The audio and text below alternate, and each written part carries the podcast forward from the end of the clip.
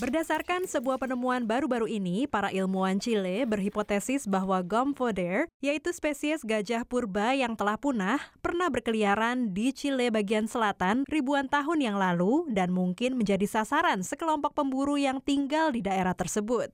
Para ilmuwan baru-baru ini menemukan beberapa fosil peninggalan Gomphoder yang berusia 12.000 tahun di dekat Danau Tagua-Tagua, sebuah danau glasial di Chile Selatan. Makhluk besar yang beratnya mencapai 4 ton dan bisa mencapai tinggi 3 meter atau 9,8 kaki ini membuat para ilmuwan percaya bahwa mereka adalah target perburuan kelompok dari penduduk di wilayah tersebut. Arkeolog Carlos Tornero yang meneliti lokasi tempat penemuan fosil tersebut mengatakan, hipotesis yang tengah dikerjakan berkaitan dengan berbagai aksi berburu.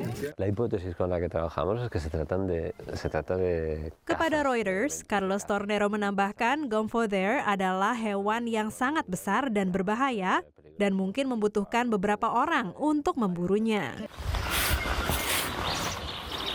Para ilmuwan mengatakan penemuan itu juga akan memungkinkan mereka untuk mempelajari dampak manusia yang lebih luas terhadap wilayah tersebut dan bagaimana perburuan iklim memengaruhi hewan di daerah tersebut pada waktu itu.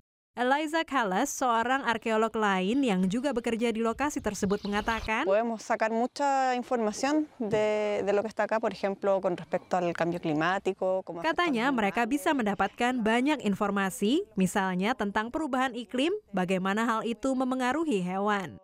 Eliza menambahkan pengaruh manusia terhadap lingkungan sangat sejalan dengan apa yang terjadi saat ini. Dari Washington DC, VOA.